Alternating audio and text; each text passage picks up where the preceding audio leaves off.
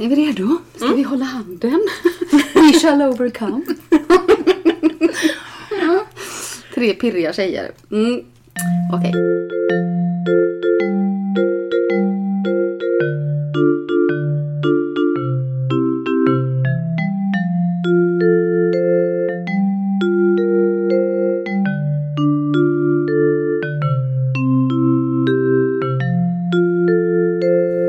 välkomna till Soul Sisters.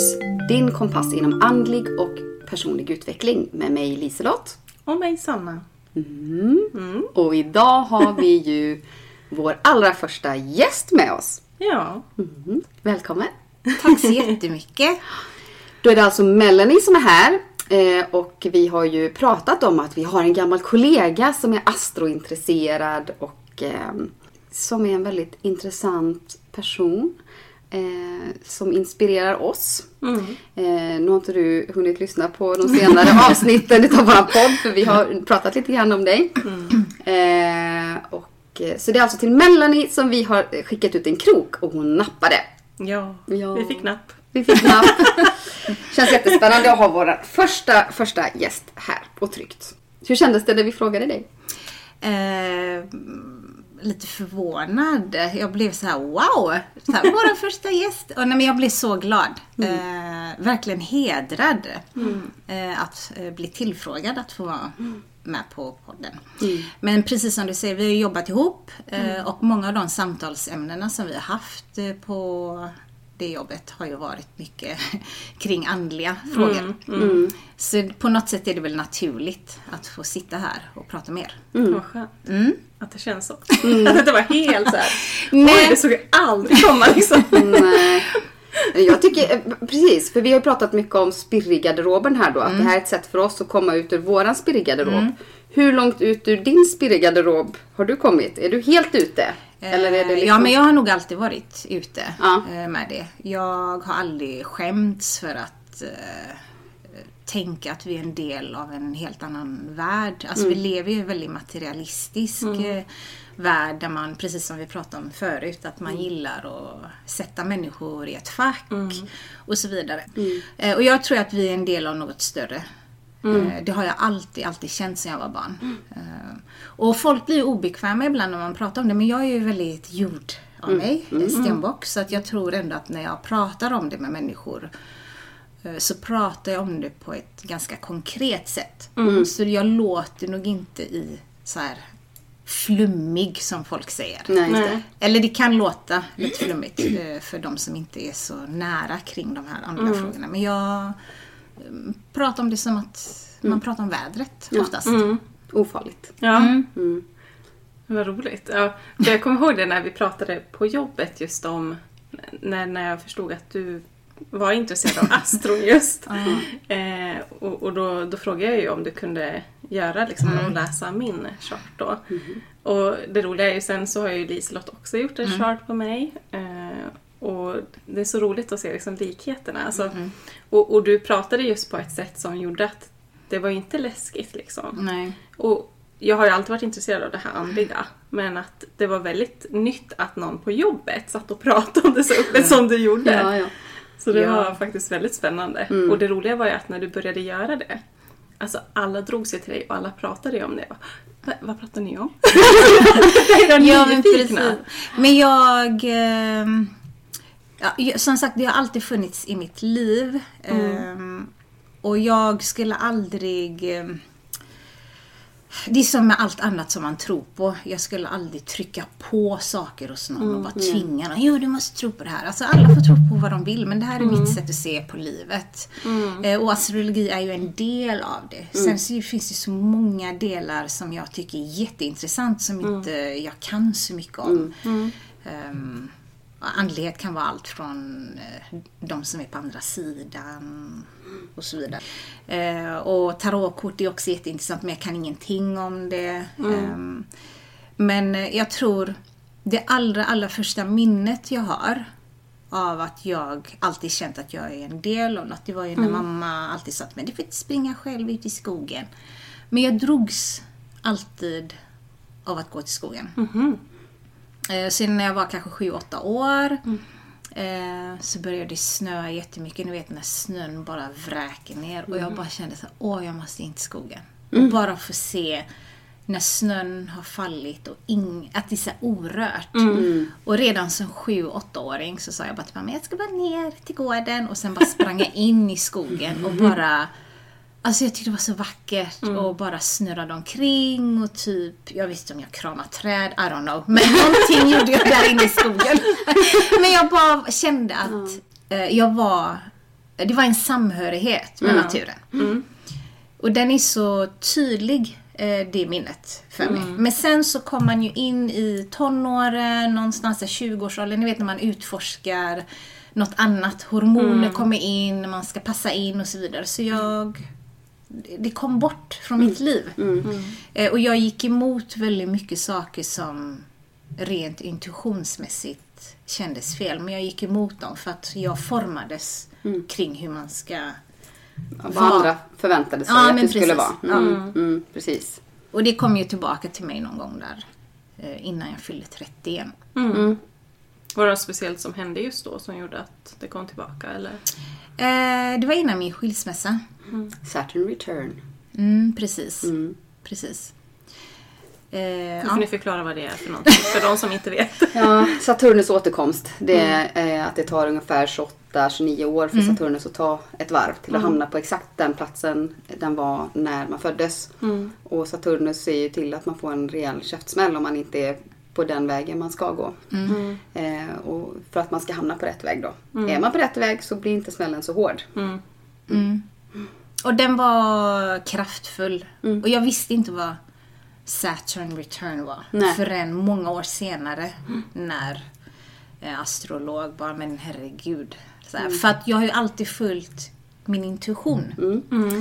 Eh, även om jag inte vet varför intuitionen tagit mig dit. Och det var helt rätt för hela den perioden som var efter min skilsmässa är som eh, natt och dag. Det är en helt annan människa. Mm. Alltså det känns som att det är ett annat liv för mig. Det är inte det här livet. Alltså Nej. när jag tänker Nej. på den perioden. Mm.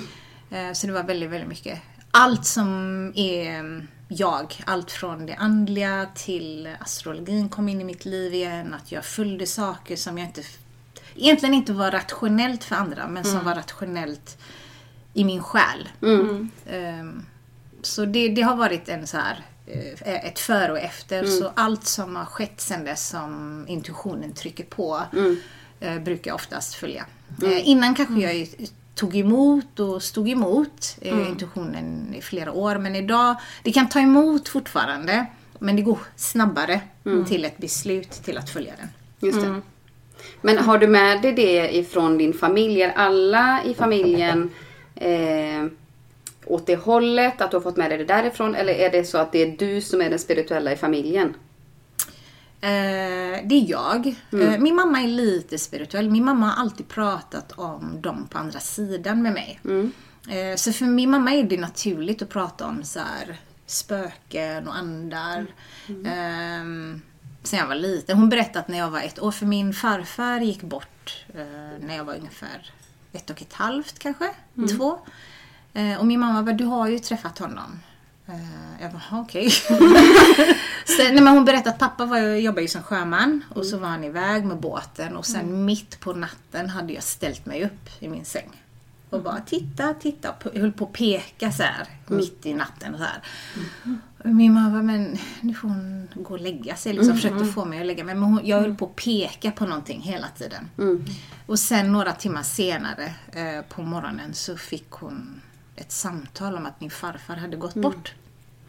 Och hon är ju helt övertygad om att han ville träffa mig innan han gick över till andra sidan. Och hon pratar ju om sånt här som att det är naturligt. Det är självklart. Ja, självklart. Så att jag eh, har ju vuxit upp med det att jag tror att de är där på andra sidan. Att det är liksom vissa som kanske inte har gått över och Mm. eftersom mamma tror på sånt. Mm. Mm. Fint att ändå få med sig det från när man är liten och få det från någon annan också. Mm. Jag tycker att id- idag är det ju ganska mycket om sekulariserat att tro är inte jättenärvarande i, i Sverige på det sättet när man växer upp. Alltså det, jag skulle säga att jag har inte riktigt haft den eh, aspekten i mitt liv. Men den har kommit till senare i livet. Mm. Eh, Men fint ändå liksom att få den från början. Mm. Då Den kanske- delen har jag fått från Ja. mamma då. Mm. Sen är det ingen annan i familjen som faktiskt är så här jättespirituell och så. Nej. Men jag har nog alltid varit sökande. Jag var ju religiös ett tag där också. Berätta! Ehm, nej men jag var 15 år och sen så fick jag för mig att jag eh, skulle anamma det här eh, katolicismen. Eh, för att Filippinerna är ju det är ett katolskt land. Min mamma och pappa är inte sådär jättetroende så de bara tänkte, eh, vad händer? och jag var med i någon sån här filippinsk grupp som ber och ja. Och sen så skulle de till Vadstena som var heliga Birgittas eh, stad. Kloster, eller? Ja, och då, då skulle jag följa med på någon sån här pilgrimsfärd förstår ni. Och sen så hade jag ett kors i mitt sovrum och jag bad varje kväll och min mamma och pappa, ja det är trevligt här. Men någonstans, eh, jag tror att det var mitt sökande efter något högre. Mm. Mm. Mm. Men sen blev jag lite sån, men jag vet inte riktigt om religion är min grej. Alltså det här uppbyggandet att det är någon större än dig själv och så. Ja.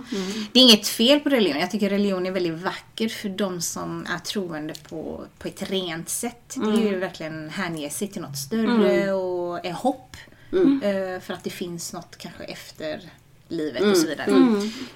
Eh, och att det, det är någon typ av vägledning att vara en god människa och så vidare. Men, ehm, nej men jag släppte det efter ett tag.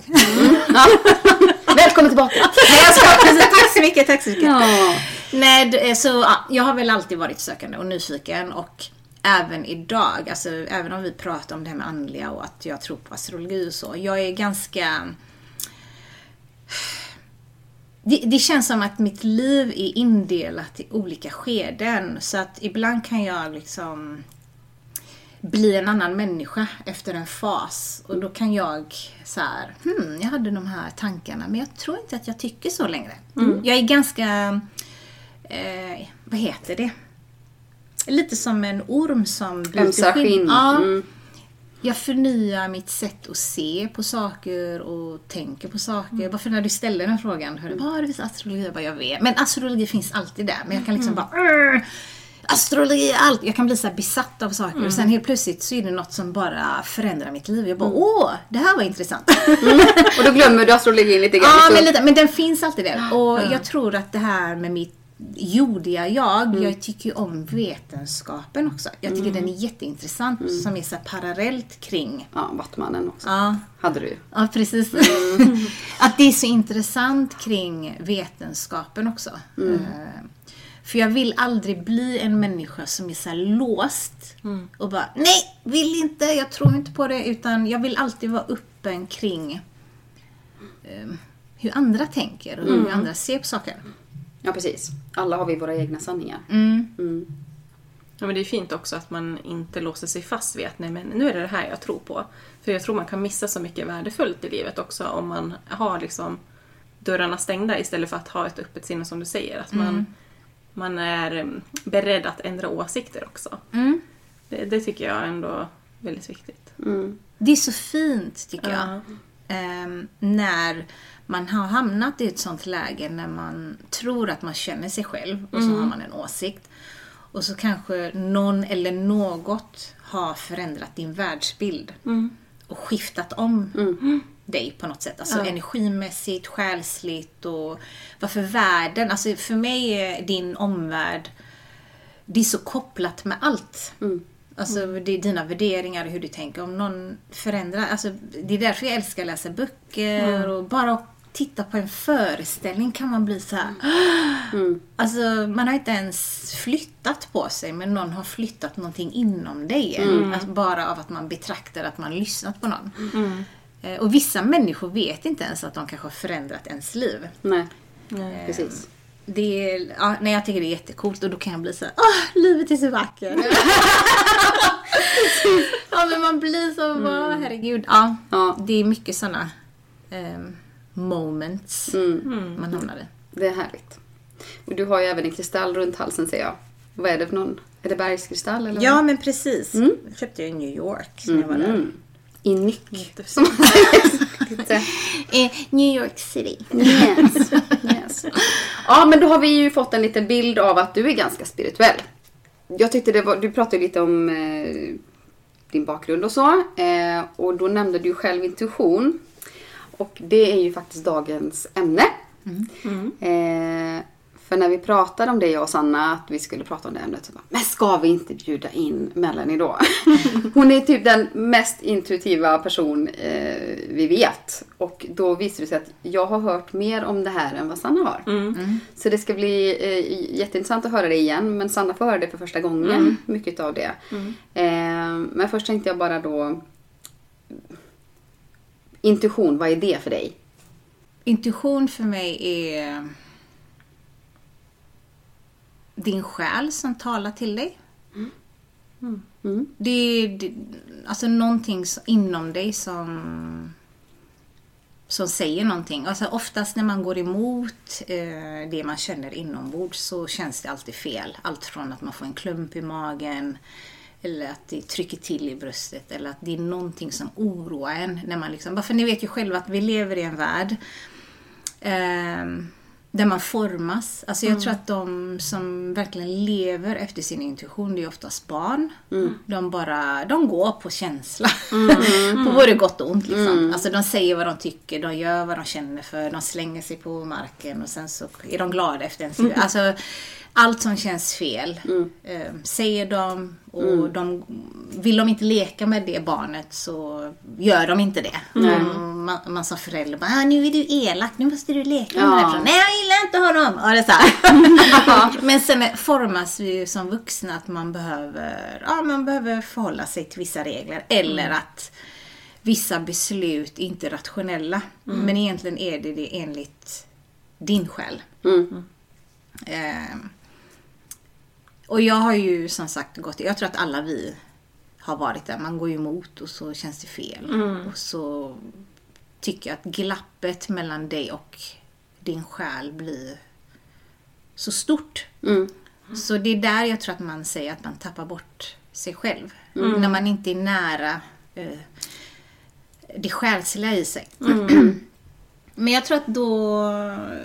Ja, jag, jag gifte mig och sen så var det någonting inom mig. Jag kunde inte förklara det med ord men det var någonting som bara kändes att det är inte rätt längre. Det var rätt. Eh, för att jag tror att alla beslut, all- alla fel beslut är alltid rätt beslut i livet. För de är ju där för att lära en. Där och då ja. Ja, precis. Och sen när det är dags att gå vidare, då är det någonting inom en som talar. Eh, och sen efter det så blev det någon slags dominoeffekt. Eh, Men eh, jag bara stoppar dig lite där då. Har du varit medveten om din starka intuition alltid? Eller var det då första gången du fick ett liksom kvitto på någonting? Som du verkligen registrerade? Mm, ja, jag, jag försöker tänka lite här. det, det, eh, den historien jag berättade förut om att jag sprang omkring där i skogen och ja, alltid vetat att jag är en del av något större med natur eller vad det är. Den har alltid funnits inom mig. Den kan inte jag beskriva. Sen försvann det lite. Men sen när jag var lite i den här livskrisen I samband med... med Skilsmässan, Ja, men precis. Då, vi pratade ju lite om tecken också. Mm. Eh, Vi hade ett arbetsrum som jag skulle in och städa. Och jag älskar ju att köpa böcker som jag typ aldrig läser. och då var jag på någon, jag kommer inte ihåg vad det var för mässa, någon hälsomässa av något slag. Och så var jag inne i det arbetsrummet och sen så trillade ner en bok. Mhm. Från hyllan. Eh, Och jag tar upp den och den, nu kommer jag inte ihåg vad den hette. någonting med- Skilsmässa for dummies. Nej men det, det var någonting med hitta ditt inre eller eh, ja men hitta rätt. Det var någon sån andlig bok av något slag. Jag tänkte oj vad är det här för bok? Jaha! Den hade jag köpt kanske ett år innan. Så började jag läsa den och den pratade väldigt mycket om att lyssna till sitt inre. Eh, och där fick jag bara en sån här stark reaktion att det är någonting som någon vill säga till mig. Det var bara en känsla så. Ehm, och sen gick det inte att trycka bort känslan. För så, det är så jag vet att jag är på rätt väg när en känsla inom mig håller på att bubblar och nästan kväver mig. Det är så här fysiskt hos mig. När jag går emot eh, någonting som inte känns rätt så känns det som att jag blir kvävd. Alltså jag kan inte andas. Mhm. Det är så här fysiskt hos mig så jag måste göra någonting åt det annars Mm. så eh, funkar det inte. Nej. Eh, Men hur skulle du säga att, in, äh, skulle du säga att intuition är som magkänsla? ja men precis. Mm. Mm. Jag, jag, alltså alla, eh, de flesta jag känner så här. ehm, ett exempel, jag hade en arbetskollega som direkt bara kände så här, nej men jag kan inte leva längre med min sambo. Mm. Och sen gick det över till att, ah, nej men det är bra nu sådär. Ni vet den här första reaktionen som ändå är så instinktivt så här. Mm. Den brukar oftast alltid vara det beslutet man tar sen. Oavsett om det är om en vecka, tre år eller tio år. Alltid. Men man försöker alltid rationalisera och, och tänka intellektuellt. Att ja, men det är ju så det är. Och det, man, alla går igenom svåra perioder. Det sa ju min mamma till mig. Mm. Och jag sa bara till min mamma, men jag vet att alla går igenom svåra perioder. Men jag vet att det här är rätt. Mm. Och det som är rätt för mig kanske inte är rätt för dig. Mm. Eller för dig. Nej, det är det. liksom, alla har det som är rätt för sig. Mm. Eh, men sen vill man ju alltid. Det är därför jag extremt sällan, mina vänner var ju så här, men gud du pratar inte. Det är bara för att jag vill inte eh, få råd Mm. av andra för att bli färgad. Utan jag går alltid in i mig själv. Mm. När jag hamnar i så här lägen. Där jag bara, nej men det här känns Mm. inte... För att känna, känna vad kroppen vill och känner. Mm. Sen kan jag självklart ställa så här, frågor till vissa vänner och områden. Men det är väldigt, väldigt sällan jag gör det. Jag har alltid varit sån som barn. Mm. Där folk bara, du är så sluten, du säger ingenting. Det är bara för jag har alltid gått in i mig själv för att hitta svaret. Din sanning. Ja, Mm. det var lite av en chock när eh, vi, eh, ja, jag gick ut med att jag skulle separera med min exman. För att det var liksom inte så att jag liksom frågade och ställde frågor och Nej. råd och diskuterade sånt som man normalt brukar göra. Eh, utan jag gick verkligen efter den känslan och självklart med de samtalen med honom. Mm. Mm. Just för alla andra omgivningen så blev det som en blixt från klar himmel. Mm. Mm. Nej men för jag vet ju... ehm, den första historien jag hörde från dig gällande intuition var ju hur du träffade din nuvarande sambo. Ja, just det. Mm. Kan du berätta om det? Ja, den är lite rolig. Ehm, ja, men då hade jag varit singel i två, tre år. Ja, det är lite diffust där. Mm. Eh, och så hade jag börjat eh, på det här jobbet. Och vi hade ju känt varandra sen innan, alltså genom jobbet. För att jag gick ju tillbaka till en arbetsplats som jag hade jobbat på innan. Eh, så vi kände varandra som, alltså, ja ah, men där är den snubben liksom. Och där är den tjejen. så han var så, "Ah, välkommen tillbaka, var tack. Och sen så hade vi något så logistikprojekt på jobbet som jag behövde hjälp med.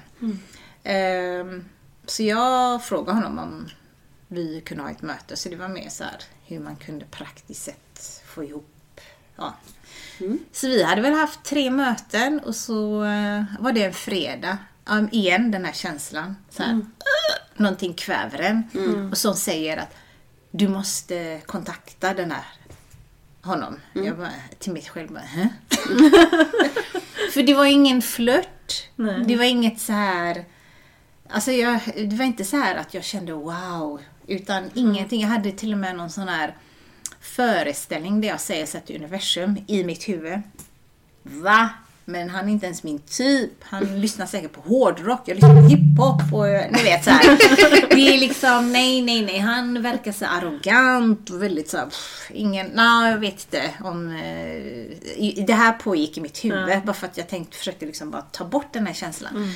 Sen blev den känslan ännu starkare på lördagen. Och jag bara kände, nej men gud, alltså jag orkar inte med mig själv. Vad är det här för något? Och sen på söndagen så var det så här, "Ah." Så jag eh, skriver ett mail. Och så säger jag, hej jag undrar hur din måndag ser ut. Jag skulle behöva prata med dig om en sak. Och så skriver han tillbaka ganska fort och säger, nej men jag jobbar den här helgen så du kan ringa mig om du vill. Jag bara, nej, det kan inte jag säga på telefon. Du, by the way! ja men precis, jag Ja. bara, nej, det, vi tar det på måndag. Och sen på måndagen tror han ju att det har ju med det här projektet att göra. För det liksom har inte funnits någonting mellan oss. Eh, Ingen annan gemensam nämnare liksom. Nej, så vi sitter där och jag är ganska så här. ah, jag hatar att eh, lullulla kring saker. Utan det bara kommer ut. Så, här. så han bara, "Ah, men du ville prata med mig om en sak. Ja, men jag bara undrar, är du så här intresserad av mig? och han blir ju tyst. Och så berättar han i efterhand att han blev ju tyst för han tänkte så här. Har jag gjort något olämpligt? Ja, han tänkte det. i sitt huvud, har jag liksom sagt något olämpligt gjort? Eh, och sen så sa jag bara, nej men alltså. så- Jag vet jag mumlade någonting om universum och, och jag vet inte, det blev jätteknepigt. Så till slut så sa jag bara till honom, men vet du vad? Vi släpper det, skitsamma, vi släpper det. Det blev jättekonstigt det här. Han bara, "Jaha, okej. Så resten av det mötet så gick vi igenom så här lite förråd och sånt. Ja men det var, alltså vi släppte det verkligen. Ja, mm. Tills han skrev ett mail igen på kvällen. Han bara, jag kan inte släppa riktigt. Eh, var det någon anledning till varför du ställde den frågan?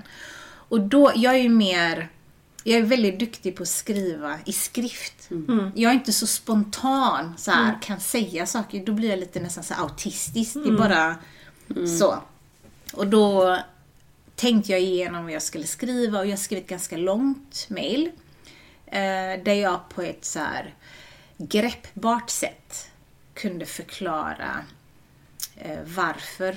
Alltså att jag hade någon intuition som sa att jag skulle lära känna honom och att eh, jag har en livssyn syn där man lever en gång och att man, kan- man man kan bara förlora genom att han kanske säger nej, att han inte... Ja, så här. Eh, och då skrev, det enda han skrev tillbaka var att I'm hooked. Skrev han bara.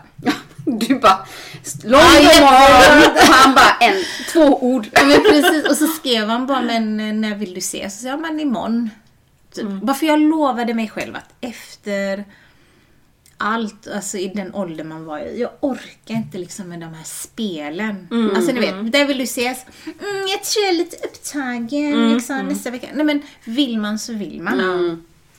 Eh, Så jag sa, nej men imorgon. Och så gick vi på en jättelång promenad vid Skatås i fyra timmar. Och det var som att vi hade träffats i ett tidigare liv och att vi bara eh, möttes igen och fortsatte de konversationerna. Alltså det var ingen sån här eh, artighetsdel i början utan det var bara att ja, börja där vi avslutade ett tidigare liv kändes det som. Då måste jag bara, i ett tidigare liv, men du tror att man bara lever en gång?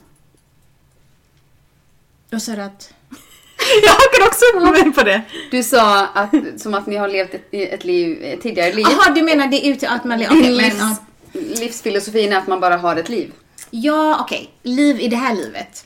Alltså om, om du lever ett liv här så självklart kan du göra det i ditt andra liv och i nästa liv. Men det, det du har här idag kan du ju liksom...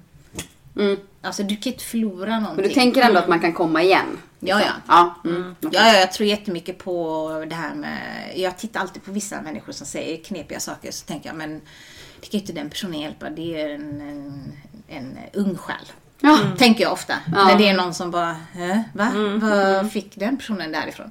Och sen kan man direkt känna, även i barn, ja men det här är en gammal själ som talar. Så absolut, jag tror jättemycket på att eh, ja, man tar med sig väldigt mycket från gammalt liv och så. Mm, absolut. Ehm, nej men så efter det så, vi har varit tillsammans sedan dess. På den där promenaden. Hur länge sedan är det? Wow. I april är det sju år. Men kände han likadant just det här att det kändes som att ni hade träffats tidigare? Att det kändes väldigt Eh, han beskriver inte det på det sättet. Utan han, hela vårt första år sa han hela tiden. Alltså det här är det mest okomplicerade relationen jag haft. Jag fattar inte, sa han. För vi är ganska speciella människor båda två. Han är extremt speciell och egen. Så jag fattar vad han menar. Jag tror inte någon annan än jag hade kunnat leva med honom. Och ingen annan än han hade kunnat leva med mig. Så vi, eh, vi klaffade. Det var som att, och till slut, det tog lite tid för mig att förstå att det var rätt. Men när det väl, när jag väl förstod det så blev jag så här, "Åh, det var ju liksom det här som någonting sa till mig. Eh, för det gick rätt fort. Eh, ja, vi, det var vi från den promenaden. Gud vad coolt. Vad skönt. Ja. Den känslan är jätteskön. Kan du lära mig hur man gör? Men sen är det också, eh, om man tar in lite så vetenskap i det. Eh, jag hade läst, det är också så hur det synkroniserar allting. Ehm, eh, jag, jag tycker det är viktigt när man har levt med någon i många år att man ska på något sätt landa. Alltså, vissa tycker det är bra att bara direkt dejta. Alltså, men jag kände att jag behövde liksom vara själv. Ehm, under eh, en lång period. Men sen så läser jag en bok som heter Hemligheten. Inte den där hemligheten. Secret. Nej, inte den. Inte den, nej. Utan det är en bok som en, jag tror att det är en psykolog. Och nå- de, det är två författare till den. Hemligheten. Och den eh, tar upp här anknytningsteorin från det när man är barn och hur det formar dig i relationer. Den är jätte, jätteintressant. Gud vad spännande. Eh, och jag skriva upp. Ja, men den är extremt intressant för att den var en del av varför jag gav mig och Percy ehm, tiden. För att det var lite knepigt för mig i början när jag bara, "Hm, ska jag verkligen vara med honom? Mm. Så här, Tills jag fattade. Eh, och den säger så här, den hemligheten, att vi formas utifrån hur vi våran anknytning till föräldrar och sen tar vi med oss det i relationer och sen formar vi en uppfattning om vad vi tror att vi vill ha Mm. i relationer. Och jag har ju alltid varit i relationer som har varit lite så halvdramatiska. Inte det innan, se, men du vet väldigt så. Och sen har det liksom format mig att jag går tillbaka till den samma. För att det är det som jag i mina celler tror är kärlek. Mm. Just det. Och sen när man går utanför det, man bara, nej han var inte intressant. Eller nej. Men man har inte ens gett det En chans. en chans. Nej. Och jag tror att hade inte jag läst den boken så hade jag kanske efter ett tag bara, mm, nej, jag tror inte det är så här. Men jag lät liksom det gå ett tag tills det liksom på riktigt landade. Att fan det är ju det, är det här. Det här är på riktigt. Så det är liksom både och. Den boken är faktiskt väldigt Mm. bra. Vad kul med ett boktips. Vet vi vad vi ska läsa?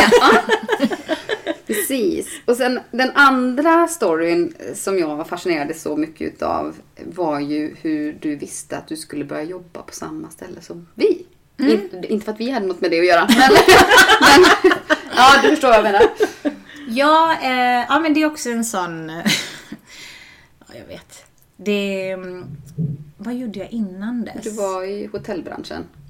Var jag det? Ja, det är i alla fall vad jag minns. Ja, och sen så gick jag in i skolvärlden. Mm. och sen, eh, ja men jag såg ju en annons i flödet i sociala medier som kom upp i omgångar faktiskt. Och jag bara kände, nej men där, eh, där ska jag jobba. Eh, och sen hamnade jag faktiskt hos distriktschefen och bara, eh, hej hej, den annonsen har försvunnit här. Jaha! Och jag bara, jag eh, undrar hur, eh, hur gör jag? ja men du får skicka in din CV så får jag se ifall jag, så får jag läsa den och så får rätt person ja. Eh, nej men sen kom jag på en intervju, eh, en sån här grupp, vad heter det? Ja, Grupp- Speed, gruppmingel. ja. Mm. Och sen eh, fick jag en, eh, en andra intervju. och då visste jag att jag skulle jobba där och jag skulle ha den här personen som chef. Mm. Det, jag bara visste det. Men det fanns en grej som inte var bra. Det var att jag inte hade körkort. Mm. Ja. Eh, Men jag tänkte skitsamma. Jag är ju så jävla grym ändå. Så att eh, de kommer ju välja mig. Så jag gick ju hem.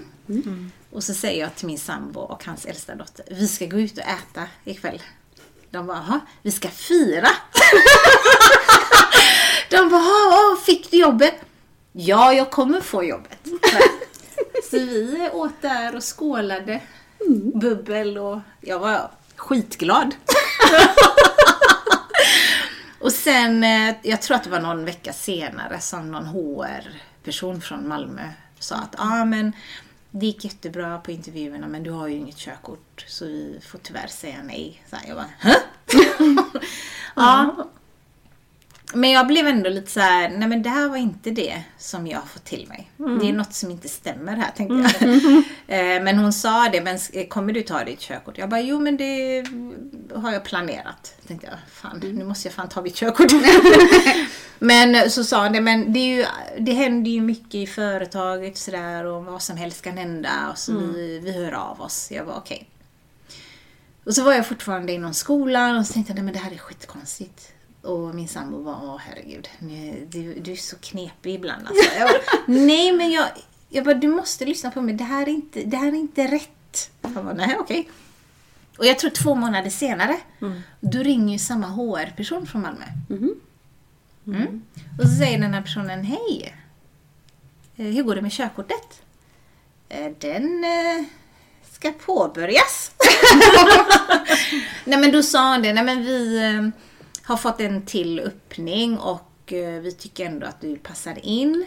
Eh, Men om du påbörjar med ditt körkort och eh, ser till att få den Mm. eh, så är du intressant. Och sen så nämner hon att ah, men din chef blir den här personen. Och då var ju inte den personen som hade intervjuat mig. Och jag blev så här i mitt huvud, nej nej nej, det där kommer inte bli min chef utan det är den första personen som intervjuar mig. Eh, vilket det blev för att tre veckor senare, då ringer ju den personen som jag hade tänkt skulle bli min chef och säger Hej! Det har skett lite förändringar och jag hörde att du är på ingång igen. Ja, och det är jag som kommer att bli din chef. Jag bara, där! Där satt den! Ja. Så det, ja, men jag, bara, jag bara visste, när jag vet någonting, jag bara vet. Och så det var därför vi, firade i förväg och allting. Och du vet, min sambos dotter bara, eh, crazy! Pappa! och sen när jag sa det till henne, ja men nu um, har de ringt och jag har fått tjänsten. Så här, och hon bara, va? Helt knäppt. Men jag bara, får, jag bara vet när det är någonting. Gud vad häftigt alltså. Ja, det, det, alltså jag tänker, det har vi väl inte riktigt pratat om, men jag, jag antar ju att det här är din magkänsla, din intuition som också sa till dig att nu ska jag se upp mig. För du hade väl ingenting att gå till? Eller du hade tänkt att du skulle plugga, eller hur var det när du sa upp dig? Ja, från det här jobbet? Ja, ehm, nej men det var så mycket. Alltså ni vet ju själva, eh, det jobbet kräver väldigt mycket från en. Eh, och sen när pappa gick bort så kände jag så här, det var så obalans liksom med allt. Eh, och då kände jag bara, nej men det är ändå dags att gå vidare. Eh, och då fick jag liksom ett samtal någon dag senare. Där jag var liksom i ett annat företag i nio månader. Hej! Vad gör du? Nu för tiden? Jag bara, "Eh, jag gör ingenting. men då ville jag inte jobba 100% heller. Nej. Nej. Och då sa jag det, jo men jag kan tänka mig att jobba ett par månader 50%.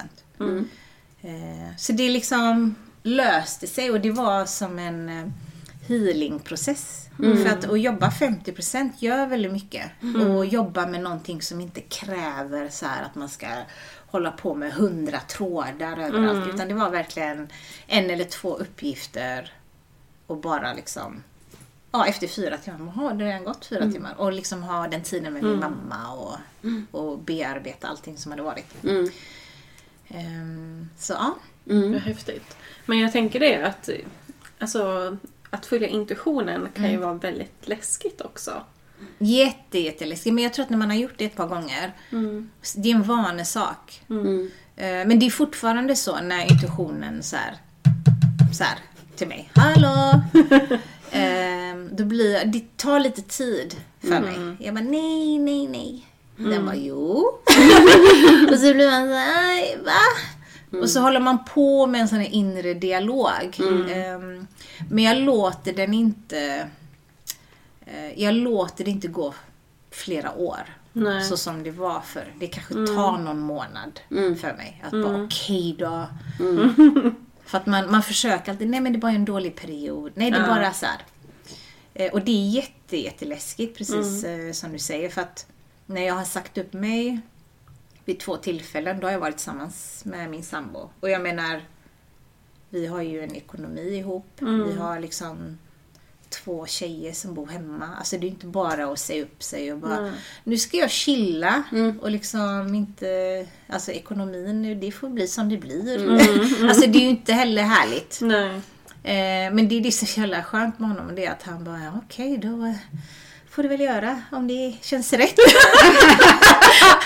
Nej men det var sista gången, det var bara för att han hittade mig i köket tre på natten någon gång. Bara för att då var, var han lite sådär, men du kanske ska försöka hitta ett jobb innan eller? Så. Mm. Jag bara, men du har väl rätt? Ja, jo det är sant. Och sen så var det någon gång när han hittade mig i köket tre på natten. Och han bara, vad gör du här? Jag bara, jag måste säga upp mig. Mm. Och då bara tittade han på mig. Okej, men gör det då. För att han bara såg att jag bara i mörk. Han bara, vad gör du här? jag bara, nej men det känns inte, det känns inte rätt. Mm. Mm. Så ja. Mm. Det, är, alltså det är häftigt tycker jag när man vågar Mm. lita på det. Alltså, Vi har ju pratat ganska mycket om ekorrhjulet, det här att man Mm. fastnar i jobb och just den här Alltså att det är svårt, man känner att det är fel. Mm. Eh, och man vill göra någonting annat. Men att man är så beroende av ekonomin Mm. att eh, det ska gå runt. Att man inte kan följa sin intuition. Ja, att man inte vågar Mm. satsa. För att tänk om ingen ja, men vill låtsas att nu då Sanna skulle satsa på si, si, sin konstnärliga förmåga. Liksom. Tänk om ingen köper något. Mm. Fast man vet att det, det är kanske det som hade krävts. Ja. Att man hade sagt upp sig så att man hade fått jobba med det Mm. helhjärtat verkligen. Och, och på något vis så har jag ändå den här känslan att jag hade fått det att gå runt. Men jag vågar inte göra det. Nej. Alltså det är det som är så... Ja. Mm.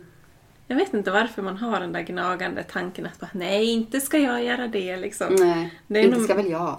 Ja, Jante. vem, vem, vem tror jag att jag är? Liksom. Nej men det är ju tryggheten som, jag tror att vi, är det vi som är liksom så här eh, att vi behöver tänka oss framåt för att kunna fatta beslut. Alltså vi, alltså nu tänker jag på djur och vi människor, att vi är liksom den varelsen här på jorden som behöver tänka oss framåt för att kunna fatta beslut. För att djur funkar ju inte på det sättet. Nej. Mm. Nej, men jag tänker... För alla är ju inte såna att de tänker framåt. Alltså konsekvenstänk noll liksom. Mm. Eh, och sådana människor får ju saker till att funka ändå. Fast då känns det som att topparna och dalarna blir så väldigt mycket Ja, just det. djupare och högre. Mm. Eh, för att konsekvensen blir så stor av ett beslut som man tar när man inte... Men jag tänker för då går man ju också på en känsla. Oh, nu vill jag göra det här. Och så gör man det och sen så kraschar man. Oh, ja, nu är det jätteläskigt och tråkigt. Och sen kommer man igen. Jag vet inte. Ja, men jag tror att det är, det är såklart en skillnad på en person som är helt labil och håller på och ska ha massa projekt på gång och, Såklart. och är lite såhär wow och så bara, nej det funkar inte. Men om man på något sätt har någon typ av strategi och kanske inte hundraprocentigt vet hur det kommer Nej, just det. bli. Eh, Och jag tror jättemycket på att om man gör eller lever på eller jobbar med det man brinner för så blir det allt, alltså det man får tillbaka, man, det är där man tjänar jävligt mycket pengar i så fall. Om man nu ska prata pengar. Eh, För att man är så jäkla grym på det och man lägger sin passion i det. Exakt, man lägger så mycket energi i det så det kan inte komma något annat än mycket energi tillbaka. Ja, men precis. Ja. Men för man, låt säga konst då. Om man nu skulle köpa konst eller eh, något annat. Man köper ju inte om någon som bara ah, Gör det halvhjärtat. Vill du ha den här tavlan? den är, jag gillar inte båla. Men köp den ändå. Men om det är någon som verkligen brinner för sin konst eller även eh, alltså ledarskapet för chefskap är ju likadan. Om det är någon som brinner för chefskapet eller ledarskapet och vill att du ska växa. Det vi pratade om tidigare så kan ju den personen ta att du kan vara hård och sätta gränser för att den personen på något sätt vet att ja, men den här personen den vill leda mig rätt. Mm. Vill bara att det ska gå bra för Ja, mig. men precis. Mm, precis. Men känner du någon gång att intuitionen har lett dig fel någon gång?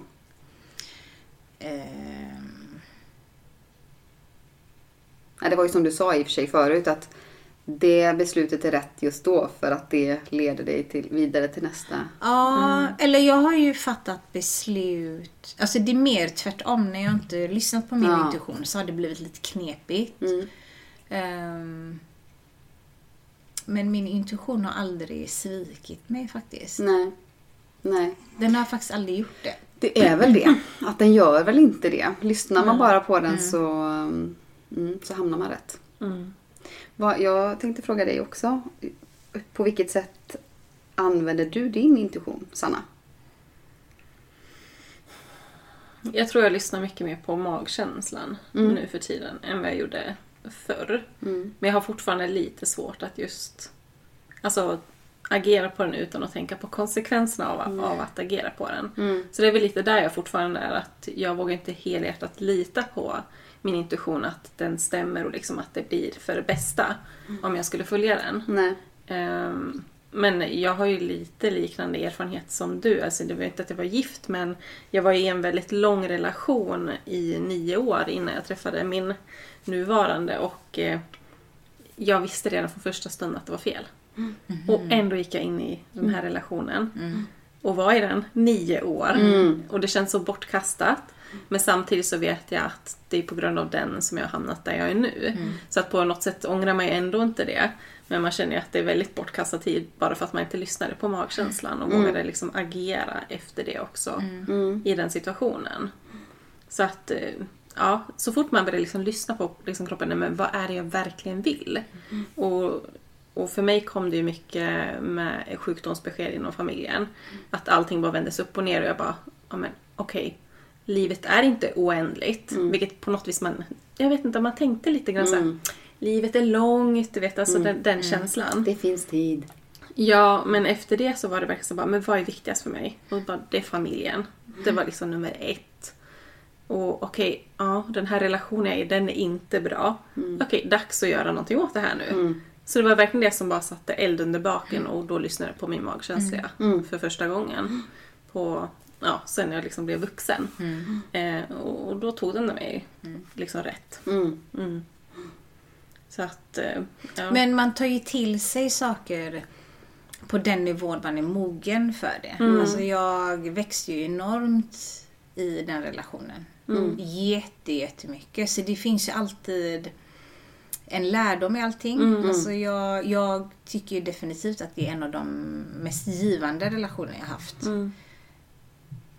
Även om den tog slut. Mm. Ehm, för att när man kom ur den så var det på ett helt annat sätt. Alltså lite så här med de besluten jag tog efteråt. För att det, ehm, ja men jag tror att hade jag inte haft den relationen hade jag varit en helt annan person Mm. idag och tagit andra vägar. och Ja, det finns verkligen som jag sa tidigare ett före och ett efter. Mm. Mm. Precis. Det är väldigt, eh, jag älskar det där före och efter processer för det har jag ju insett att jag har så många sådana eh, liksom hålltider i mitt liv. Liksom. Det, före och efter det här, före och efter det här. Men mm, jag funderade på när jag använder min intuition och det gör man ju bland annat i coachingen. Att eh, man pratar om någonting och så är det någonting som personen säger som eh, där jag, okej då ska vi greppa det och så ska vi gå vidare i samtalet åt det hållet. Och så tar det en vändning och så, och så att det, då, och då tvekar jag ju inte. Då lyssnar jag ju på det direkt. Mm. Eh, och bara kör. Men när det gäller mig själv så är det inte alls på samma sätt. Det har inte samma förtroende, eller förtroende, tillit till att, eh, till att eh, det blir rätt på något sätt. Nej. Men sen tycker jag att det är svårt också att skilja på intuition och till exempel HSP. Jag kan ju gå in i ett rum, läsa av människor och det kan jag tycka är med hjälp av intuitionen. Eller? Eller tänker jag helt fel då? Om jag kan känna på mig hur du mår. Ja, fast det där är ju... Jag fattar vad du menar. Mm. Men, eh, det är också en magkänsla på något sätt. det är, men det är att ta in också energier. Alltså det, jag tror att intuition handlar mer om dig, hur du känner. Medans, Det är eh, någonting som finns inuti som ska ut. Ja, någonting som... Ja, då. medans det där är ju... Jag vet ju att jag gick till en healer och bara... Mm. Åh herregud, sa hon, vad du har tagit in folks Energi. energier. Mm. Alltså det är ju liksom en helt annan... Alltså jag gick ju omkring och hade ångest och mådde skitdåligt ett Mm. tag. Då jobbade jag i skolan. Och då hade jag tagit in mycket av de här barnens energier. Och då går man och bär på andras Ja. känslor. Det är inte ens jag som är deprimerad. Jag bara gick in där och grät. Jag bara, jag vet inte varför jag gråter. Och, så, bara, och sen bara efter att jag hade varit där så började det liksom luckras upp. Och sa du, du måste eh, Flera sagt du måste skydda din energi. Annars så bara du är som en svamp annars. Så det har jag försökt. Det är därför jag är jättenoga med att inte vara med människor som inte är bra för mig Nej. heller. och nej. bara skydda liksom hela tiden. Hur gör du det? Eh, genom en meditation där man liksom ehm, man får föreställa sig som en skyddande hinna hela tiden. Ehm, men det är också jättedåligt i vissa perioder så jag, då går jag helst och healar mig. Mm. Så här, få bort och balansera mina energier. För jag märker direkt när jag är så här. Mm. "Uff, nu har jag inte mediterat på ett tag och jag känner mig dränerad. Och jag känner mig åh, så. Ehm, men så jag tror att det är det som kan vara skillnaden. Att Mm. man, alltså intuition är ju liksom någonting inifrån medan det man känner Ja, från det. andra, man kan ju ta till sig. Ja, och så går man det. omkring och bara känner sig tung. Mm. När man inte har skyddat Nej, sina det. egna energier. Men frågan är om intuition är lite reaktionen på att man är HSP. Alltså att man känner av energin och då, och då säger magkänslan eller intuitionen då att här vill jag inte vara. Ja, precis. Alltså här ska jag inte vara. Att, att det Just blir det. en reaktionen på, Precis. på miljön. Mm. Det tror jag nästan. Precis, för jag kände, eh, tänkte också på det. Vad är skillnaden lite grann? För när använde jag min intuition? Ja, det var i coachingen. Och så bland annat det här just att man kan läsa av stämningar och situationer och människor och sådär. Och att eh, jag använder intuitionen, tänkte jag då, till att ehm, eh, som en, eh, vad ska man säga? Som ett skydd. Eller att jag läser av personer. Vill den här personen mig väl? Är vi på samma vibration? Och sådana saker. Men det, ja, jag vet inte om det, det är väl samma som, som du sa precis. Att, eller, och att man tar in saker. Istället för att eh, man ska inte ta in någonting för att få ut någonting. Utan man ska ta det man redan har inne. Mm. Mm. Antar jag. Mm. Ja. För jag använder det ja, som någon form av skydd. Ja. Men är du också HSB, Melanie? Det vet jag inte. Nej. Jag, mm, nej, jag vet faktiskt inte. Jag vet bara att eh, när jag har eh, healat mig, alltså vissa kanske går på massage eller så Mm. här. Jag går och försöker heala mig en gång om året och liksom så här, Mm. Är det reiki eller vad är det för healing? Jag har gått på massa olika. Mm. Min första upplevelse var faktiskt på distans. Mhm. Eh, ni vet vi människor som har någon typ av sån här andlig eh, connection. Mm. Man träffar alltid folk på, Jag träffar alltid folk på jobbet. Alltså Mm. ni är ju exempel på människor som... Ja. Eh, jag var på jobbet och så bara kände jag mig helt så här. Så hade jag en arbetskollega som bara tittade på mig. Du ser helt förstörd ut. Jag, bara, jag känner mig helt trött och så här. Och hon bara kände på sig att jag är en sån där person som ja, är öppen för allting. Så sa hon, jag har ett nummer till en kvinna. Jag bara, "Ja, hon healar. Jag bara, "Jaha, på distans. Eh, men hon, hon berättade, hon var någon högst uppsatt VD eller något. Men hon är inte sån som går och berättar till folk vad hon gör. Men hon gör det här gratis, bara för det är en del av, du vet så här, hon tycker man ger till andra. Hon behöver bara se hur du ser ut och sådär. Jag bara, jaha okej. Och då ringde jag den här kvinnan. Jag bara, hej jag fick ditt nummer från den här personen. Hon sa att du healar. Hon bara, ja, ja det gör jag. Eh, Du får jättegärna mejla mig. Jag vill bara se ett ansikte så att jag vet vem det är jag healar. Jag bara, visst. Och så bestämde vi en tid.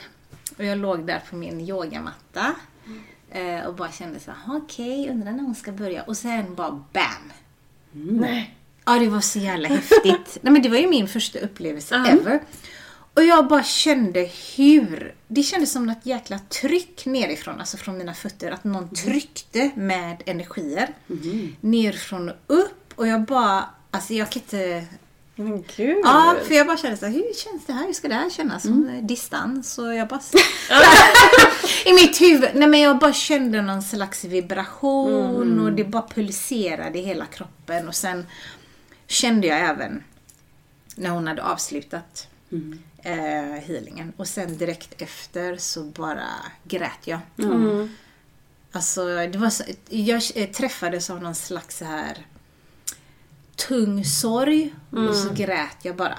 Och sen dagen efter så träffade jag min arbetskollega. Hon bara, hur gick det? Jag bara, så fortsatte det. var så här efterdyning. Ja. Så hon bara, eh, okej kom nu så fick vi sätta oss i ett hörn. Eh, och sen efter det, det är, det är inte så att det är före och efter. Det tar ju lite tid. Så är det för mig i alla fall när jag har healat mig. Att man kan inte gå från en healing och bara, nej jag känner mig på topp. Utan det tar lite tid för mig. Och då, efter några dagar känner jag mig ganska så här. Nu är jag i balans. Eh, och det var lite så med den healingen också. Eh, sen har jag gått med samma kvinna då. Eh, någon som rent fysiskt är på plats men liksom bara Jag har inte testat just specifikt reiki. Nej. Eh, Men sen har jag gått till någon, det finns ju någon i Vasastan, de håller på med allt möjligt. Så här, Psykologer och sådana som healar och så. Ja. Mm. Så jag har testat lite olika. Mm. Men det måste ju varit att hon avblockerade kanske. Ja, men Delvis. typ. Att, för ja. då kan man just känna att man, att man är på väg att gråta. Speciellt om Ja. det är vid hjärtchakrat. För det hände ju mig på när, när jag var, hon var väl reiki. Så, va? Ja.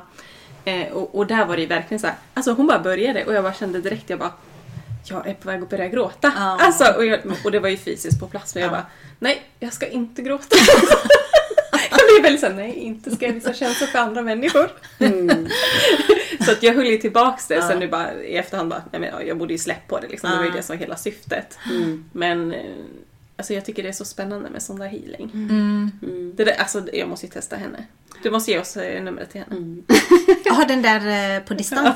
Ja, nej, men jag har, det här var ju för 12-13 år sedan.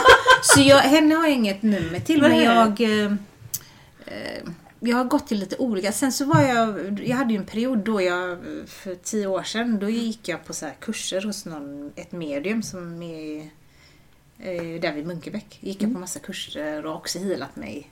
hos Henne. Så henne har jag numret till. Mm. Ehm, men den dagen, ja, jag hade själv velat, jag vet inte vad hennes nummer men jag blev helt så här med henne. Jag bara herregud. Mm. Det är jätteimponerande just att det är på distans. Ja. För det där hade jag varit tveksam till. Just att, men hur ska det gå till liksom? För då blir jag det här logiska, att man ska försöka förklara vad, hur ska hon kunna hira mig om hon är i Stockholm till exempel. Men det måste vara så då att hon tittar på bilden för hon vill ju ha en bild Ja. av dig. Mm, hon ville bara liksom Ja. så här, vem är det jag... Mm. Är spännande hur det där funkar alltså. Ja. Verkligen. Jag tänkte bara, eh, vi har ju väldigt lätt för att spåra in på andra saker här. eh, men knyta ihop säcken lite grann och bara, eh, nu kommer ju intuitionen väldigt naturligt för dig.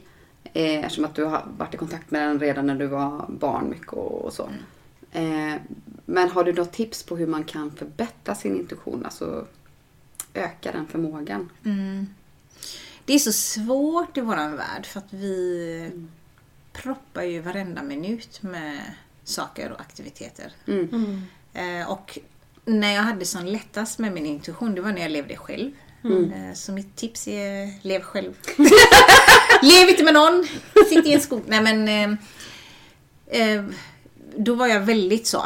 Eh, men att man försöker hitta en tid, det spelar ingen roll om det är kanske på morgonen, mitt på dagen, på kvällen. Att man bara sitter med sig själv och bara, att det räcker med att man bara tänker och reflekterar. Hur mår jag? Mm. hur känns liksom kroppen och bara att man har, att det liksom är en rutin att man reflekterar och går in i sig själv lite. Mm.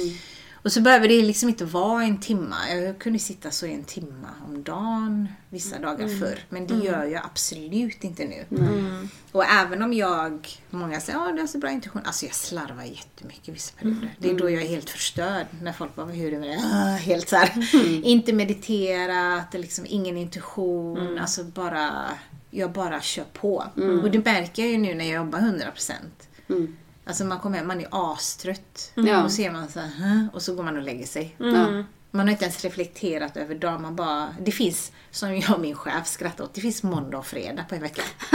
det, tisdag, onsdag, torsdag existerar liksom inte. Det så här måndag, fredag, måndag, fredag. Ja. ja men så är det. Eh, nej, men att man eh, ja, försöker hitta tiden med sig själv. Mm. Mm. Och Ja, det bara tror jag. inåt. Det är jätteviktigt att skapa den kontakten. Mm. För det känns som att när man bara jobbar på i det här ekorrhjulet då. Mm. Så det snurrar på så fort så man hinner inte.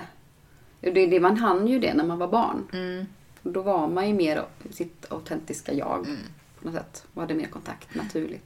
Sen är det ju väldigt många alltså, eh, som rekommenderar och det är självklart jättebra att meditera. Men alla är inte gjorda för att meditera. Nej. Jag menar det finns ju många som har eh, till exempel ADHD.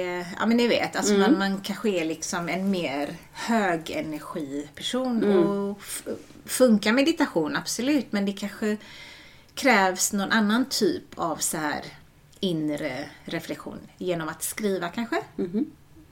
Man kanske har en bok där man skriver ner det man känner och tycker än att liksom sitta och blunda. Vissa får ju panik av det. Mm. Eller om man går ut kanske på en promenad. Mm. Man kanske har det som en rutin. Jag går ut i skogen i en halvtimme och bara liksom känner in hur känns livet? Mår jag bra? Känns det här rätt? Men du har väl en morgonritual typ? Va?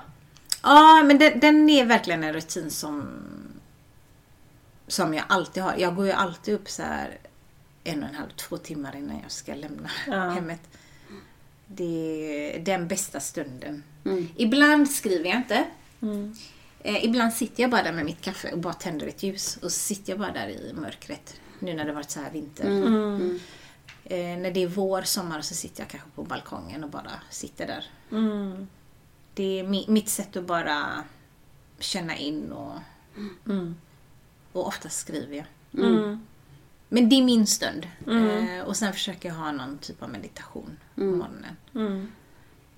Men det brukar ofta vara så att morgonritualerna är den tiden man har för sig själv. Mm. För sen när man kommer hem efter jobbet då ska man laga mat och det är, alla andra är vakna, man ska socialisera sig. Att ofta är ju morgonen en väldigt bra tid för reflektion. Mm. Och just det, skapa den här känslan på dagen också tycker jag.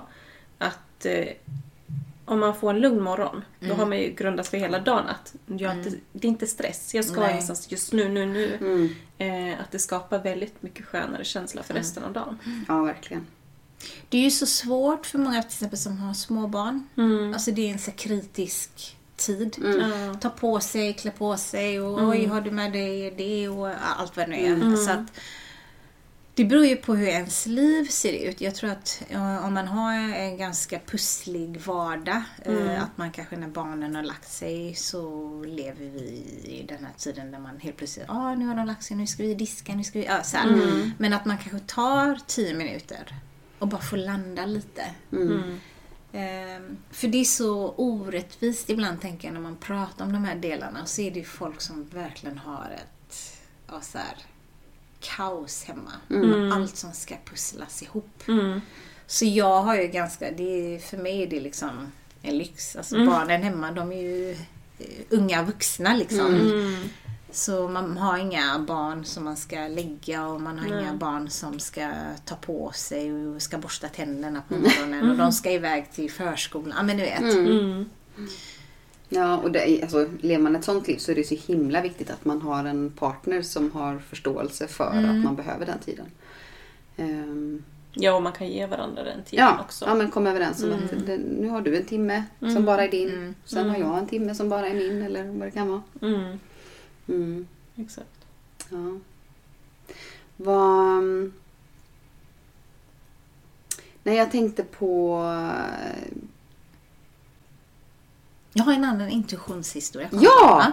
Dela med dig jättegärna. Ja, nej men du kan... Nej, nej, nej. Nej, okej. Kör på. Det här, men allting har med jobb att göra. Det Ja, men det gör ingenting. Det gör ingenting. Jag, ja, men jag jobbade ju på... Eh, jag har jobbat inom hotellbranschen väldigt länge. Ehm, och då hade ju ett nytt hotell öppnat. Som alla så här, skulle börja på. Alla bara, ska inte du börja där? Men nej, nej, nej, jag ska inte alls börja där. Sen helt plötsligt en dag så går jag bara upp på en våning och bara, nej men jag måste ringa den chefen som är där för att jag kände henne. Mm. Jag bara ska dit. Igen.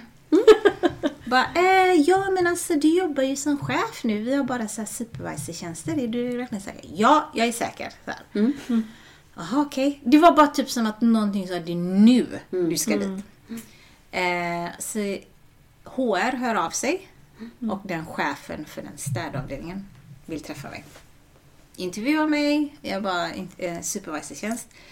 Och sen hör de inte av sig till mig på typ så här, nästan en månad. Jag bara, mhm, vad händer? Tills de hör av sig, bara, ja, vill du ha managertjänsten? Eh, va? Eh, ja, alltså hon har ju sagt upp sig så vi tänkte du kanske passar till den rollen. Och det gick väldigt fort för jag sökte mig mer dit för att få en ny miljö. Och att någonting sa till mig nu ska du söka dit. Supervisortjänst spelar ingen roll, bara det är liksom något annat. Och sen bara, ja managern har sagt upp sig, ska du ha den tjänsten? Sen var det också från eh, Stockholm eller Malmö med någon som skulle göra någon personlighetstest. Sen eh, stod jag bara där och bara, jaha, här är jag. Alltså det var så konstigt, det gick så jäkla fort. Från det att någonting sa till mig, nu ska du ringa. Eh, Men det var det jag tänkte på då, att, att det ofta händer i att din intention leder dig till nya yrken. Eller nya arbetsplatser vilket ger att du träffar nya mä- människor och, och så. Mm. Men det, det, var, det var någonting jag faktiskt tänkte på nu när du satt och pratade. För att när du pratar just om det här att du känner att du förstår på något vis att du är en del utav det stora hela. Att, har, har du haft ett uppvaknande? Just det. Jag, bara, eh, jag har nog haft flera uppvaknanden Ja, du är som Liselott. Alltså, det, jag ser väldigt många paralleller mellan er två faktiskt, när du har pratat idag. Eh, det beror på vad man menar med uppvaknande också. För att jag, det är så sjuka saker som har hänt. Efter min skilsmässa så var jag rest i tre månader själv. Eh, och den var också en del av det här uppvaknandet. Alltså jag grät så mycket på den resan så att taxichaufförer bara... eh. Jag satt, jag satt i, i någon eh, taxichaufförsresa som tog en timme och jag bara grät och han bara What have I done? Och så här, jag bara, Väldigt så, bara för att det var så mycket som fick mig att vakna. För att jag kunde... Jag tänkte så här att Självklart gjorde jag inga fel i relationen. men, såklart jag, men jag blev väldigt ledsen för att jag gjorde ju så många fel. Alltså det var en del av uppvaknandet att jag är ju inte så perfekt som jag trodde att jag var. Till exempel.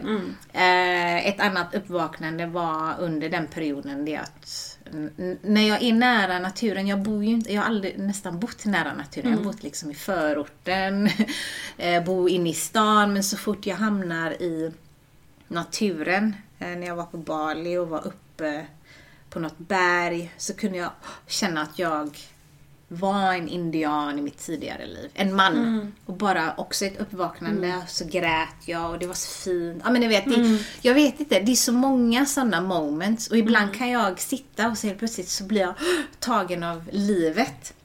Och så börjar jag gråta igen. Alltså det, är så, det låter så Nej, nej. flummigt. Men jag... Nej, det tycker jag. Och ibland kan jag liksom sitta i så här. ehm, det kan vara ett möte och så helt plötsligt känns det som att jag har gått ur min kropp och bara tittar. Så här. Ja. Och tittar så här. Ja ah, men herregud den här 14-åriga förortstjejen som inte trodde på sig själv. Hur hamnade du här? Och det är också ett uppvaknande. Att det fanns en mening med allt. Det är liksom den vägen man har tagit. Så ja, det finns och ett annat uppvaknande som har att göra med det som jag ser före och efter den relationen, det är att jag var inte gjord för att ha biologiska barn. Eh, Jag trodde det, för att jag matades in i ett fack och jag menar jag kommer från kultur, Filippinerna, man ska gifta sig och det är så viktigt och så här. Och, eh, Det är jättekonstigt att en kvinna inte får barn och hej och hå, men jag bara... Nej. Inte i det här livet. Mm. Och sen så har jag förklarat, det är vissa som bara "Hä? Varför eh, har du inga barn? Så brukar jag alltid svara, men bara för att jag har haft många barn i mina tidigare liv. Och jag kan säga det till folk som inte ens jag känner. Och blir de så här, "Eh, va? Jag bara, bara för det är så det är, Det är för mig. Jag, jag vet att jag i mina tidigare liv har haft barn och många barn. Att jag, jag, jag för att rent instinktivt så vet jag hur det är att vara en mamma. Och i det här livet känner jag, nej, jag vill inte ha det livet. Been there, done that. Ja, been there, done that. Och det här livet vill jag liksom chilla från det livet. Och kanske nästa liv. Så... eh, Gud vad häftigt ändå. Alltså för att jag har varit lite i samma tankar. Just det här att jag har stretat väldigt mycket mellan det här med att skaffa barn och inte skaffa barn. Eh, just det här att är, är det min magkänsla som säger att jag inte ska ha barn och sen så den här delen som säger jo men du kommer ångra dig. Är, är, det, är det den här samhällsdelen som är inpräntat igen? Att jo men man ska ha barn när man gifter sig. Alltså jag har väldigt svårt att separera det här. Vad vill jag? Vad vill samhället? Liksom, för att de där har verkligen bara liksom blivit så integrerade med varandra. Mm, det är just det. svårt att se vad som är vad. Hur, hur kom du fram till... Hade jag- du svårt just att särskilja det där? Mm, nej, inte. Alltså just när det är sådana saker som jag bara vet, jag bara vet. Jag, alla bara, du kommer ångra dig. Jag bara, nej jag vet, jag kommer aldrig ångra mig. Alltså på riktigt, så när jag ser folk som har barn, jag bara, oh my god. nej, men jag får så här en känsla, jag vet hur det känns. Alltså bara för jag har varit där. Alltså det låter så extremt konstigt för vissa. De bara, oh my god, hon är crazy woman. Men jag älskar barn. Alltså folk missuppfattar mig. Jag, alltså det är det finaste och den finaste gåvan jag kan ge till mitt ofödda barn, det är att i mitt nästa liv så kommer den få 100% av mig. Men i det här livet så vill jag inte ge 100% till att föda barnet och liksom så här och att ja, hela dess liv. Eh, nu har jag ju barn i mitt liv som inte är mina biologiska. För mig är de som mina barn. Men hela den här processen från det att man har varit gravid och så här, ja men ni vet. Jag bara vet att jag inte är gjord för det i det här livet. I, ibland kan jag bara eh, tänka bara för den relationen jag har med min mamma. Jag är väldigt mycket med henne. Liksom. Eh, hon har ju inte så bra eh, vad heter det? Hälsa. Eh, och att det är liksom fint hon har mig och mina syskon. Så det kan jag tänka ibland när jag bara Åh, jag är en gammal tant sen och så är det ingen som kommer hälsa på mig. Så då kan jag bli lite så här. Undrar om jag kommer ha ett ensamt liv. Men sen samtidigt så brukar jag så här, ska du skaffa barn för det? Så här, och då blir jag direkt så här, nej det kan jag inte. Nej. Alltså vad vet jag hur mitt liv blir när jag är 70? Typ. Nej men jag fattar den känslan för att det är lite så man tänker i, i de tankarna. är ju bara okej, ja nu är det kanske fine att inte ha barn. Liksom att man tänker, ja men jag har ett jättebra liv. Men precis de tankarna att okej, men när jag är gammal då, vem ska ta hand om mig? Men sen är det ju själviskt att tänka att ska mitt barn ta hand om mig? Hur kan jag ställa det kravet på ett barn? Ja men Alltså, precis. Och sen, vad heter hon, Eh, Therese Lindgren, hon har ju gjort en dokumentär om att inte skaffa barn. Mm. Eftersom hon har fått väldigt mycket den frågan. Hon, eh, jag vet inte om du vet vem det är, en influencer. Jo, det är väl hon som blev, är, den, Psykisk är hon fortfarande störst inom... Youtube typ, Ja, i princip ja. i Sverige. Ja. Eh, och och hon, hon gjorde ju sin dokumentär med de här frågeställningarna. Mm. Jag tycker den var väldigt intressant. Eh, och just det här att eh, hon träffade andra kvinnor som också valt bort barn i det Mm. här livet då.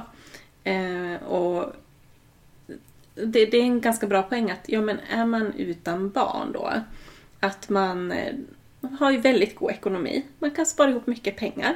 Och sen kan någon annan ta hand om en när man är gammal då. För då har man ju den ekonomin att kunna köpa hjälp också. Så att det finns andra lösningar än, att man tänker så här, ja, men jag måste ju ha ett barn som kan ta hand om mig när jag blir gammal. För att, eh, ja men jag, jag tycker Det är inte det därför man skaffar barn. Nej, inte vara men- det, men Nej. just jag det här- tänkte mer, alltså det är så fint att... ehm, alltså, det, alltså i många kulturer är det så att barnen ska ha, men det är inte det utan jag tycker bara det är så fint när äldre har den generationen som är efter som liksom ja, att det är något som är där och liksom kanske säger farväl sen när man går bort. Men vi säger att jag lever med min sambo och vi säger att han går bort före mig. Och så har man liksom ingen sån här legacy som man har liksom lämnat efter sig. Så det, ja, jag kan tänka sådana tankar men samtidigt är inte det så pass starkt så att jag tänker att jag behöver men där är jag, där är jag till 100% säker. Det, fin, det går inte att rubba Nej. eh, den känslan hos mig. Och vi har ju även pratat om det med tanke på det du sa om att ska jag vara en ensam gammal tant då liksom. Men, men eh, att vi har ju ett väldigt rikt inre liv. Vilket gör att vi har inte så ont av att vara i vårt eget sällskap. Nej. Ju. Så tack gode gud för det rika inre livet då, om man nu skulle vara ensam på ålderns höst. Ja, det är väldigt skönt tycker jag att, Mm. att få den tiden. Och, Alltså det är ju... Min man han reser ju väldigt mycket alltså. Han är ju borta var och varannan helg. Och sen ibland bara, ah, nu är det nästan som att jag är ogift här. Så, så kan det kännas. Och bara, det är ganska skönt också. Och så Jag kommer liksom- jag och hälsa på. Ja, precis. Nej, men så jag känner att, att det här med att vara ensam, alltså det, det är ingenting jag har svårt för. Mm. Nej, Det är väldigt älskar, skönt. Ja, nej, jag älskar att vara ensam. Mm. Nu vill jag ju resa själv. Jag reste ju själv. Jag har ju gjort det även när jag varit tillsammans med, Mm. med min sambo. Och han var också såhär, men ja, ja, men vill du resa själv? Det är ju fine. Han åker på sina golfresor och så. Mm. Och det är så jäkla skönt. Alltså den bästa resan var ju den när jag var borta i tre månader. Mm. Och då var det ju många som oh! så här ville hänga med mig. Bara, eh, nej, hej då! Men, eh, Awakening happening here, Precis, stay away. Awakening, awakening. Nej men det gör ju någonting med en. I tystheten med sig själv. Under en sån lång period. Alltså det är jobbigt i början. Mm. Det är jättejobbigt. Man är lite så här, "Äh, vad ska jag nu och sådär. Och sen så efter ett tag så vänjer man sig. Och så vänjer man sig med att känna saker. Som man eh, inte haft tid att känna. Nej. Det, är väl det, det var därför jag grät väldigt mycket i början. Det bara åh, kom upp saker och insikter kring hur man är som person och ja, med livet och sådär. Det var Så. fint. Alltså det känner jag att jag skulle behöva göra mer. Jag är så jäkla feg. Jag fattar inte varför. Eat, pray, love. Ja, jag tänker det. Du är ju typ verkligen förkroppsligad den boken nästan. Ja, min kompis sa det när jag kom tillbaka. Ja, men jag var ju i Sydney först och hälsade på min kompis. Så där eh, drack vi mycket gin tonic och åt mycket. Istället för pastan och det. Ja men precis. och sen åkte jag till Bali, sen Thailand. Tog jag mitt dykarcertifikat för att jag bara blev så lite uttråkad. Jag bara eh. Och sen eh, när man har varit och rest så länge, då har man ju inget emot att sitta inne och plugga. Jag tänkte, jag får väl göra det då. och sen avslutade jag med ett bröllop. Min kusin gifte sig i London. Ja. Nej, det var jätte... Ja, det var en häftig resa. Mm. Wow. Ja, vilken Ja. Häftig, häftig grej att göra. Mm. Ja, Jag skulle också vilja Man resa. får ta det på sin bucket list här. Ja. Se till att man faktiskt börjar bocka av den också. Mm. Det är det. Man ska inte bara, det ska jag göra någon gång, sen så Nej. blir det aldrig någon Nej. gång. Nej. Jag faktiskt planera lite grann. Mm. Men jag tänkte just på det här med eh, medium. Att eh, jag gillar ju att gå till medium. Mm. Eh, det gör vi båda två.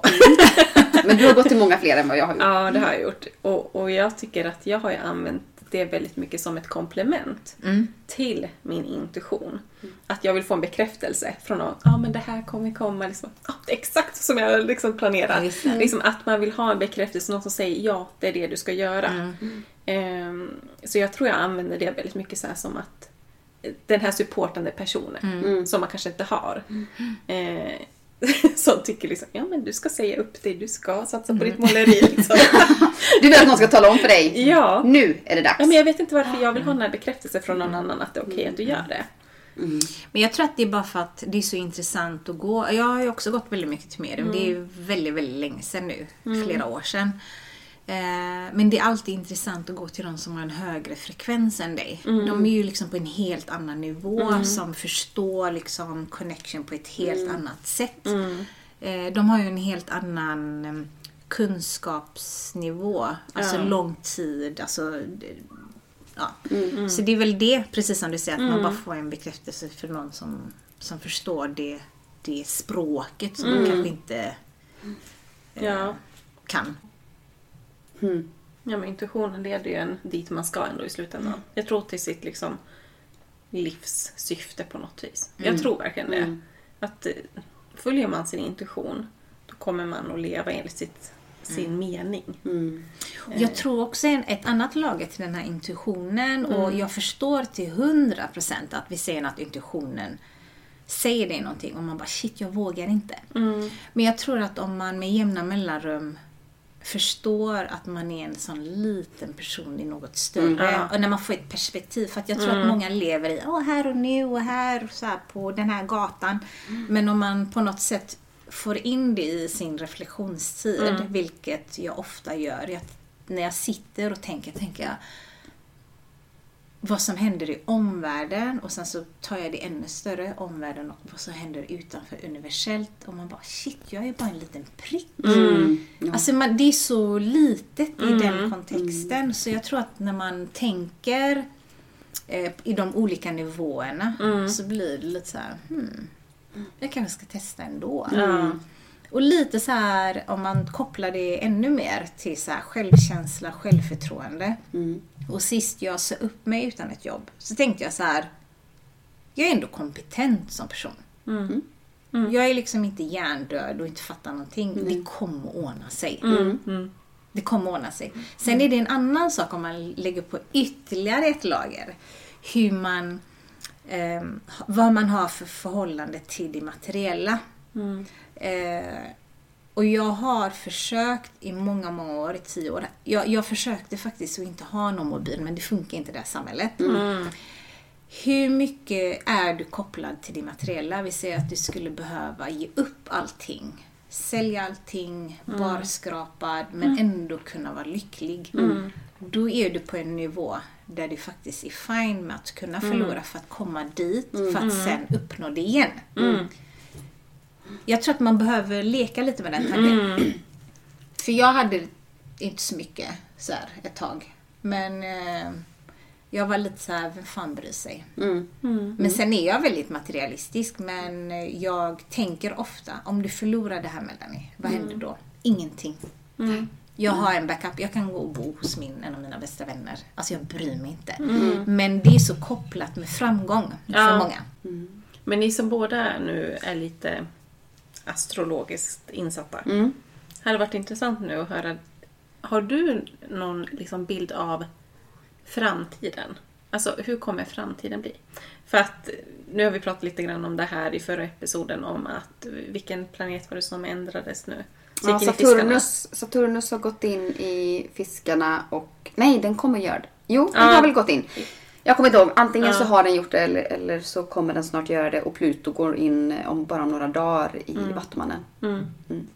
Så det kommer bli ett skifte i energierna. Jättestora Ja, skiften. men precis. Och det är det man hör väldigt mycket. Att det kommer bli ett större skifte. Liksom. Och man pratar mycket om att 2000-talet, att det är upplysningens tid. Att det kommer liksom hända väldigt mycket med medvetandet. Och med medvetandenivåerna. Har du någon liksom, uppfattning av framtiden? Har du tittat liksom, på astrologin på det sättet? Nej. Alltså det var så länge sedan jag följde så mycket så här rent astrologiskt. Men jag tror ändå att vi kommer gå in... Det är tvådelat. Väldigt mycket inom teknologi. Det ser jag ju jättemycket. Alltså AI har ju pratats om en del men nu är det på... Det känns som att det är liksom verkligen att det kommer ta över. Smälla Ja, sen så tror jag det är även så här tvådelat eh, för att det bara på senaste åren har ju det fördubblats med så människor som tittar på astrologi. Alltså det, jag tror att det har fördubblats med tusen procent med folk som söker astrologiskt. Ja, så, här. Ehm, så jag tror att medvetandet, precis som du pratade om, jag tror att människan försöker hitta olika sätt att bara överleva vardagen genom att ta sig undan, alltså gå undan och ja. Mm. Ja, men jag tänker vi går ju in i väggen av en anledning. Ja, för att vi inte lyssnar inåt. Nej. Eh, och det är väl det. det är då, och då, man måste in i väggen för att sen få den tiden att Mm. lyssna på sig själv. Mm. Men det är just intressant det där med generationsskiftet här nu, att vi, vi förstår inte riktigt varandra. Men det är också det man ser ju väldigt tydligt som du säger, att man söker väldigt mycket mer på de här termerna. Och man ser ju det att, att det är de unga som gör det. De har igen fått lite grann det här intresset för alltså det astrologiska som kanske har försvunnit lite grann i tidigare generationer som inte har varit lika poppis. Men det har ju fått verkligen en uppsving i kulturen. Mm. Och det är det som blir intressant att se att hur kommer det påverka nästa generation nu då som kommer här Mm. efter oss? Alltså, det, Vad är det de kallar dem för? Diamantbarn eller vad kallar de dem för? ehm, De som föds nu. ja, gud vad kallas de? Men de heter något sånt. Ja. Eller kristallbarn. Jag vet inte. Men, men hur som helst, så, jag, så som jag uppfattar det så kommer, precis som du säger, AI och det här kommer smälla till vilket jag tycker är asläskigt. Eh, samtidigt såklart jättehäftigt också. Men, men eh, Pluto bryter ju ner saker, alltså förstör saker för att någonting bättre ska, ska komma fram. Så att Pluto kommer ju även att förstöra ohållbara saker som vi har byggt upp under så lång tid. Eh, de här strukturerna som vi lever i idag och jag tänker på Saturnus också. Eh, precis, för i fiskarna, alltså fiskarna är det mest utvecklade tecknet säger man ju. För att de har ju astrologiska år- året, eller, astrologin börjar med väduren och så slutar den ju med fiskarna. Så då har fiskarna har gått igenom alla utvecklingsstadier. Mm. Så då är de, och nu när Saturnus då går in i sista tecknet eh, så bör det bli lite mjukare på den sidan. Samtidigt som Pluto då går in i Vattumannen och det blir mycket teknik och tänka på ett annat sätt. Och så. så jag vet inte, det kanske kommer, så här, det kommer gå, bo robotar i stan och alla andra men, människor kommer fly ut och bo i skogen. Liksom. Jag vet inte vad som kommer hända. Terminator. Ja men precis, I'll be back. Ja, men gud. Vi kanske ska ta och avrunda där. Ja. Vi, har, Vi spårade ju lite. vi spårade lite.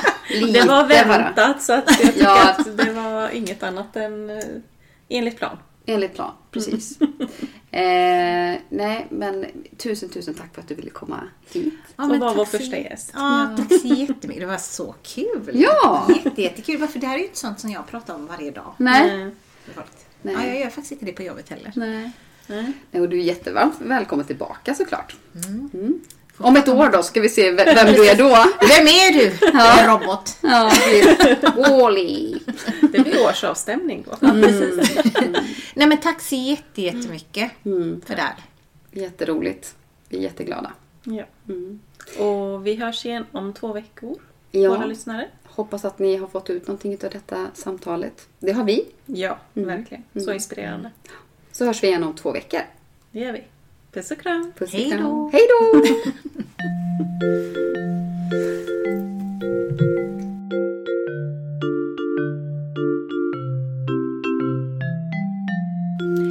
Tusen, tusen tack för att du har lyssnat på detta avsnitt av Soul Sisters.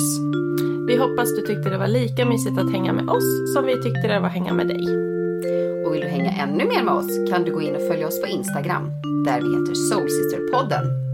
Gå gärna in och sätt betyg och skriv en recension. Det hjälper oss att nå ut till fler Soul Sisters och kanske några Soul Brothers där ute.